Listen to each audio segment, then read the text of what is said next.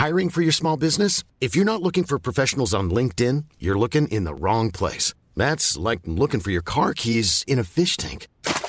LinkedIn helps you hire professionals you can't find anywhere else, even those who aren't actively searching for a new job but might be open to the perfect role. In a given month, over 70% of LinkedIn users don't even visit other leading job sites. So start looking in the right place. With LinkedIn, you can hire professionals like a professional. Post your free job on linkedin.com slash people today.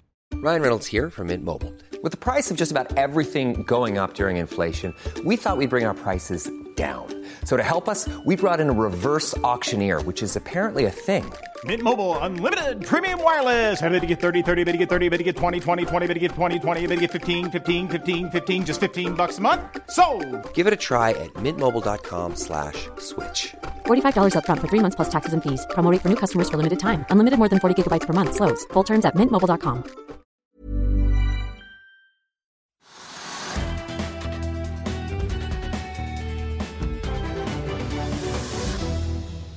Velkommen til Økonominyhetene. I dag skal vi se nærmere på hva som rører seg på de europeiske, asiatiske og amerikanske markedene. Men vi begynner her hjemme på Oslo Børs. Ganske flatt, ned 0,1% på Oslo Børs akkurat nå, Trygve. Hva kan vi si om børsdagen i dag? Kjedelig. Veldig kjedelig, for det er nesten ikke bevegelse på de store og kjente selskapene. Og det er litt gjentagelse av det som har vært tidligere, og man ligger og venter på oljeprisen. Den er jo da veldig viktig for mange. Både for norsk økonomi og norske oljeselskaper og norske offshoreselskaper. Og der, ligger oljeprisen på rundt sånn 49 dollar per fat. og Går det gjennom 50, vil det være et kjempeviktig signal, men det gjør den ikke foreløpig. Så det er lite, lite føring som kommer fra oljeprisen. Og så er det smått annet som skjer. Jeg vet ikke om det kommer noen regnskaper i dag. i Det hele tatt, det tror jeg ikke. Så vi er tilbake med et par andre store ting som da påvirker børsen litt. Og det er da det som skjer i Norwegian. For Norwegian har da i løpet av dagen vært oppe i over 20 Det er på da veldig små Stiger bare 8 nå, da. Ja, så, så han falt. Det er små, men det er masse aksjonærer. Det sies at det er 50 000-60 000 aksjonærer i Norge og Sverige. Masse småaksjonærer som liker å leke med 2000 kroner og 3000 kroner opp og ned på Norwegian. Det skaper da kjempevolum og omsetning. Dagens mest omsatte aksje? Ja, men det, ja, det, det, det, syns, det syns jeg er litt skummelt. For det er, det, altså Norwegian ligger nå på rundt 40 øre per aksje. Ingen vet, altså Finansdirektøren og noen andre vet, eh, kanskje noen veldig gode analytikere vet hvor mange nye aksjer som kommer inn i selskapet etter at all gjeld er konvertert til aksjekapital. Så er det slik at De har fått lov til å drive en sånn der chapter 11-prosess i Irland. Og nå har de fått noe lignende i Norge. Så nå, liksom da, nå er de beskyttet mot alle kreditorene som kan komme løpende. Så må man se hva man klarer å konvertere av da, gjeld til aksjekapital. Og hvem som da eventuelt kan komme inn med nye penger i selskapet. Men er det, er det 50 milliarder aksjer i selskapet for tiden, eller er det 60 milliarder aksjer i selskapet for tiden? Eh, så Antall aksjer vet man ikke, og vet, man vet ikke hvordan det ender. og For å da få nye penger inn i selskapet, så må man da ut og ha en emisjon. Og for å få den solgt i markedet, så at folk vil kjøpe den og tenke at dette er noe for meg, så blir det, kommer det til å bli en skvis på de gamle aksjonærene. Så det, det, altså, De vil vannes ut. ja, de vannes ut selvfølgelig, men altså, hvor mye vet man ikke. Derfor er det helt umulig og seriøst å si at man bør være i Norwegian, bør ikke være i Norwegian.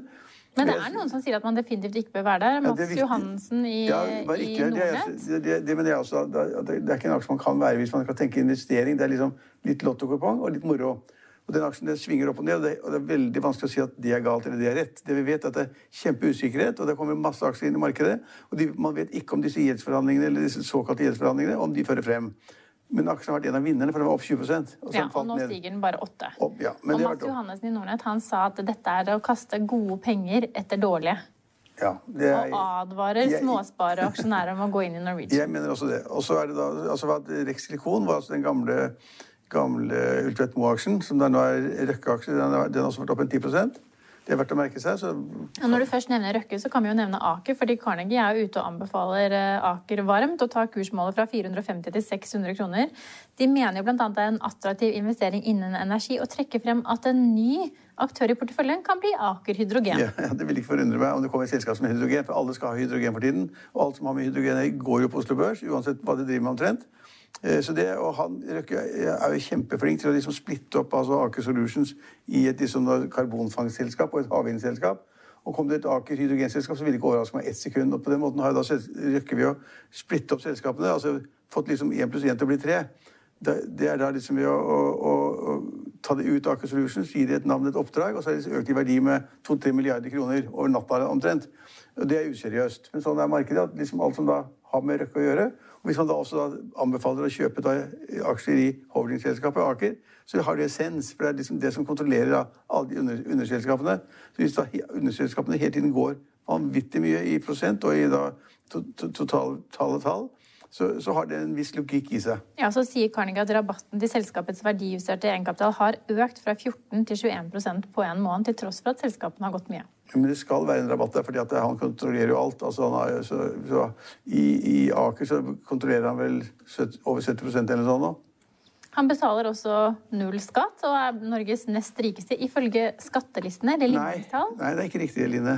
Han betaler skatt, han betaler ikke inntektsskatt. Han betaler skatt, han er kjempe... Ja, ja, men vi, altså, han betaler ikke inntektsskatt, men han betaler masse formuesskatt.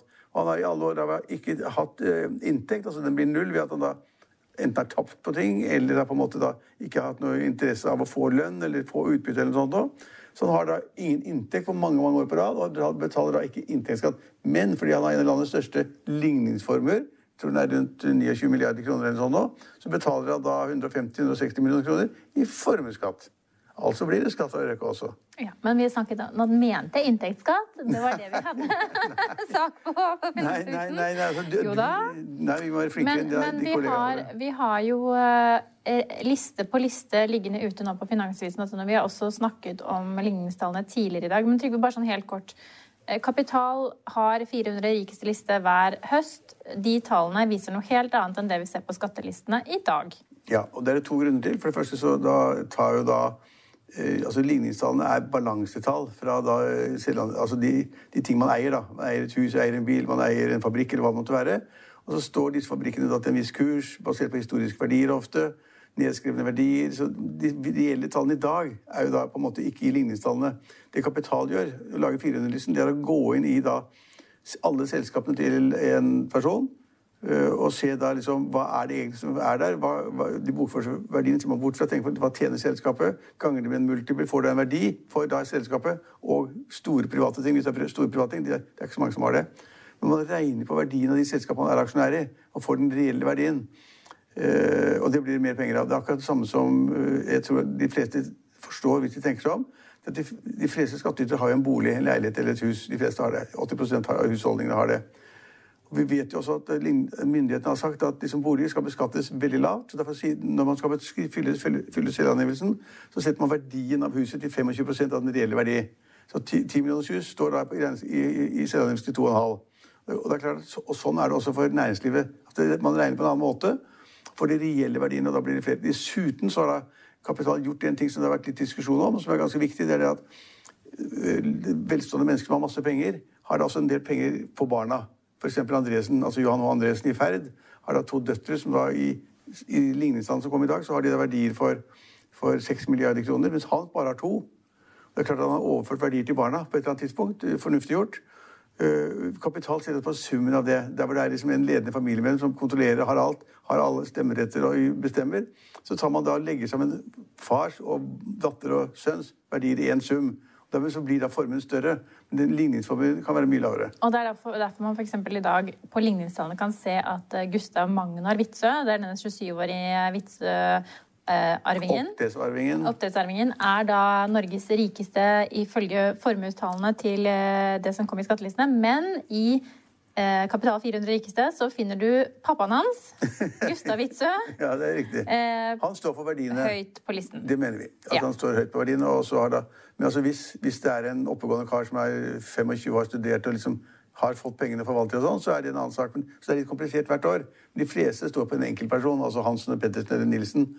Eh, Hva er de verdt, og kan man regne ut hva det gjelder for alle sammen? Men, men, men, eh, men det er noen tilfeller hvor vi da liksom må si at denne formen tillegger egentlig, egentlig Odd Reitan alt sammen. Så har man det på én hånd, fordi han bestemmer alt og gjør alt. Og så blir det en glidende overgang til da Ole Robert Reitan og Magnus Reitan egentlig har fått disse pengene, og kan gjøre hva de vil med dem. Men så, det er noen glidende overganger, men hele, i hvert fall essensen i det er at på 400-lysen så finner man de verdiene som er reelle. Vi tror er reelle. Vi har ikke noen fasit, det er litt vanskelig å regne på ting, men det er mye bedre enn ligningstallene. Ja. Det har jo vært en rekke noteringer på Merkur Market som nå har skiftet navn til Euronext Growth. Og i dag har vi fått et nytt selskap på børs. Det er GNP Energy, som skal være en utfordrer til Fjordkraft. Er det å selge kraft? Skjønt. Det er, Opp 26 ja, men er det bare å selge kraft de gjør? eller Ja, de, skal, de, i hvert fall, de, leverer, de er vel et, eh, en utfordrer da, til Fjordkraft. Og Fjordkraft leverer, leverer vel både mm, Selger de bare strøm?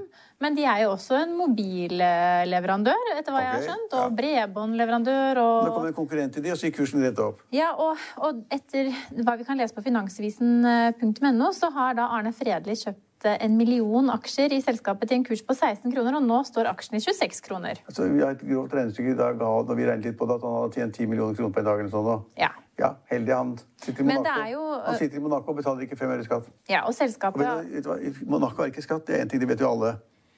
Men i Monaco behøver de heller ikke levere en form for selvangivelse. Så det er ingen som spør om noe som helst. Så er bare, Du tjener penger, bruker penger og salter ned penger, og du forteller ingen om det. Det er Monaco i i et nøtteskall. Ja. Og det er Arne, der bor Arne Fredelig i en fantastisk bolig og masse garasjer og biler og sånn, og har det kjempegøy. Og så investerer han i Norge som han kan, og har gode investorkollegaer som er flinke og finner frem fornuftige ting. Og da kan du tjene 11 millioner på en dag hvis dette selskapet tenkte at nå skal vi på børs. Eh, Merkur først, som det heter. Da skal vi på børs, og da trenger vi å få liksom litt støtte i aksjen og litt interesse for aksjen. Og så skulle kanskje da eierne selge litt ut for å liksom sikre seg liksom hytte, kone og bil, eller hva det måtte være.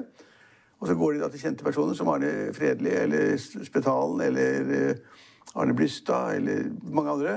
Og så spør de, vi har et jævlig prosjekt her, vil du se nøye på det? Regnskapet er sånn og sånn, prosjektet er sånn og sånn. Vi kan ha en emisjon mot dere hvor dere går inn med 10 eller 20 millioner kroner. Eh, Så er dere med, dere er på en måte litt bjellesauer. Og så gjør de det, og så tjener de da, ikke hver gang, men én gang, sånn som Arne, som Arne Fredelig i dag, 10 millioner på den, dette nye selskapet. Ja, og Var det en enkel oppskrift? Ja, og bjellesauer er jo de vi gjerne følger etter. Men dette selskapet, som da heter GNP Energy, har i hvert fall kapret 38 000 kunder i Norge, Sverige, Danmark og Finland siden oppstart i 2012. Altså, jeg, altså, det ligger ofte, som oftest noe i bunnen når da Arne Fredelig investerer. Han er ganske sær på at det skal være penger der ordentlig, og at det ikke skal være bare tull. Eh, Spetalen er kanskje like flink, men han er litt raskere og liksom det er raskere inn og raskere ut. Arne Fredli han er litt mer sånn ja, Nå har Arne Fredli blitt kjempetankleder. Nå er tankmarkedet elendig. Nå har underveis klart å selge noen skip, så han har åpenbart eh, tjent penger på det. Ja, Og så har vi fått en rekke vaksinenyheter i dag. eller det vil si Ja, men vi har før vi fått... tar vaksinenyhetene, bare- Det er et par selskaper til på taperlisten, og det er det, det der, det der, det der gruveselskapet Element. Element, element, Du sier element, jeg sier element, men jeg vet ikke. Men Ned 10,2 Så det er og det er litt skummelt, fordi at de har en idé om at det skal være liksom i bitcoin-markedet og er i gruvemarkedet, og kombinere det på forskjellige måter ved å kjøpe opp selskaper og investere da i utvikling, utviklingsselskaper innen, inn, inn, si, bitcoin-markedet. Men i, i, ja, i kryptomarkedet. Eh, Og da var selskapet vinner noen dager, for da var Spetal plutselig inne. Og i dag så faller aksjen 10 så Ja, Hvis man ser på vinnerlisten fra i går til taperlisten i dag, så var vinnerlisten i går preget av Custer, Element og Avilko Drilling. Og det er de tre som topper faller i dag. i dag. Ja, og, Avilko Drilling er et alvorlig problem. Fordi at, det var, fordi at de har noen rigger eh, bestilt i Singapore. Eh, Der har de krangel med verftet, og det, går om milliardbeløp. Som har betalt forskudd på rigger. Det må man gjøre hvis man bestiller altså, de, mm, kostbare ting. fordi at verftene sier at vi kan ikke begynne å bygge, lage kjempeting uten at vi får penger. Så verftene, eller rederiene må betale penger på forskudd. Og så betaler de mer etter hvert. Og når da riggen eller skipet blir levert, så betaler de sluttsummen. Eh, Hvis man da blir uenig underveis, så må man ha en voldgift. ikke sant? Hva skal bestemmes, og hva som skal gjøres. Og det har de en voldgift nå, jeg tror det er i London, hvor da de skal finne ut da om, da, om verftet skylder eh, Avilco-penger, eller Avilco skylder verftet penger. Det er ganske alvorlig, og derfor så markedet spekulerte litt i det, og så var det opp, og så nå er det ned. Ja. Og da var det vaksinenyhetenes inn på, var bare det at det har, de har begynt vaksineringen nå i Storbritannia. Er ikke det fantastisk? Jo. Ja. Ingen tillegg, trodde på det for en måned siden. Og i tillegg så har FDA, altså dette amerikanske helsetilsynet, godkjent, eller de mener i hvert fall at eh, denne mm, vaksinen eh, fra Pfizer er en trygg vaksine. De kan ikke konkludere med at den er trygg for gravide og barn under 16 år. Nei, men eh, de men de får- ser ingen betenkeligheter umiddelbart ved vaksinen. Det er ikke mange som er barn eller, under, gravide sånn som blir vaksinert uansett. så det, det, det, altså, på, på få uker har det snudd fra de som Vi diskuterte de som er i business, som har litt interesse i det. Det har jeg. At liksom verden blir litt bedre, at folk reiser litt og sånn. Og det er det veldig mange som har interesser i. Enten det er en liten tobakksbutikk i, på, Bergen, altså på, på Bryggen i Bergen eller i Geirangerfjorden eller hva det måtte være. Drosjesjåfører og bussjåfører og alle som er involvert i reiseliv, hoteller og andre. Er interessert i at verden blir bedre i 2021, slik at liksom det blir bedre for dem. Og der har vært en diskusjon om liksom man ville få en bedring i mai, juni, april. Kanskje høsten 21 og inn i 22.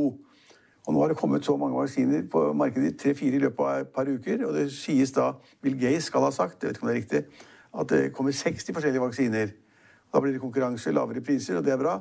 Og nå ser det jaggu meg ut som det at man får godkjennelse på denne siden av nyttår, og at vaksiner blir utlevert, som du sier, i løpet av noen uker i, i januar-februar neste år, helt sikkert. Og da er det jo slik at da ser verden litt lysere ut. Ja. Det er jo ikke slik at 100 millioner eller 500 millioner mennesker blir vaksinert over natta. Nei. Noen skal bringe det ut i biler, og noen skal være nedkjørt til 70 grader. Skal de finne veien til sykehus, og de som skal gjøre jobben. og Det er, kjempe, altså en vanvittig logistikksak. Men jeg er nesten sikker på at Norge i løpet av januar, senest februar, kommer til å få da et vaksineprogram i samråd med EU, som da på en måte styrer oss. og er heldig å være i EU, og De får da fordelen med å være i EU. og De kjøper da inn innen EU uendelig med piller eller dråper eller hva vi gjør, eller sprøytegreier som da blir distribuert etter en formel innen EU, og der får Norge sin del. Og Derfor vil vi da helt sikkert, tror jeg, få se de første bruken av denne medisinen i januar-februar, og kanskje er det Pfizer. Ja, og da kan vi si at AstraZeneca de skulle ha produsert 30 millioner doser vaksine innen jul. Nå ser det ut til at det bare blir 4 millioner doser. Så det, så det er Jo, men det blir noen doser. Det er godkjent. Ja, ja, det blir det. Men det er, det er fragile. Ja, ja, men altså, det, poenget er at nå er det godkjent tre eller fire. De, ta med deg Sputnik. Du kan få en sånn Sputnik-greier for det med en gang. Men ha, så du hvor mange russere som var skeptiske til denne vaksinen? Var det ikke 59% av de spurte russerne på gata som sa at dette var de ikke sikre på om de ville ta i det hele tatt? Ja, det kan tenkes, Selv om den var gratis og tilgjengelig? Man er litt mer skeptisk til hva myndighetene sier i Russland, tenker jeg. Ja, for de har jo heller ikke kjørt den gjennom fase tre-studien. Jeg tror ikke de har hatt sånn, var, uh... sånn som uh, Pfizer. De har jo hatt 40 000 som har testet ut, ikke sant? og det er ganske mye. Og halvparten har da fått en sånn placebo-medisin. Halvparten har fått ordentlig medisin. Og det viser seg slår helt kjempe ut. Og det er de som har fått medisinen, de slipper unna og er negative. Så, men, men altså, dette er en sensasjon at så mye kommer på så kort tid. Så det, er, det skal jeg ta med en gang det kommer. Men jeg skal helst ha den vaksinen som du ikke slipper å ta to ganger, bare én. Så da må jeg vente på denne Moderna. Ja. Det, vi får håpe den kommer rett, rett, over nyttår. Vi skal videre Men, vi, men før, vi, før, vi, slutter, vi bør bare nevne det at til, altså, det er litt usikkerhet på Oslo Børs, som du sier. Litt kvart prosent ned i, i går. Minus 0,1 i dag. De amerikanske børsene har gått og gått og gått. og gått. Det er liksom all time high. Det er fantastisk utvikling i Amerika. Og det er kjempebra, men det er også litt skummelt. Men det er jo naturlig å tro at hvis de får i gang et sånt vaksineprogram i USA også, og får utlevert det, så blir vi mer optimisme i det amerikanske markedet. Kanskje, kanskje kursoppgangen, som jeg syns er sterk, kanskje kan fortsette. Ja. ja. For at situasjonen koronaveis er verre i USA, det er det ingen tvil om. Mye verre. Det er katastrofe. Altså Det vi opplever i Norge, er ingenting. Vår sending er tilbake i morgen klokken 15.30. Følg med oss igjen da.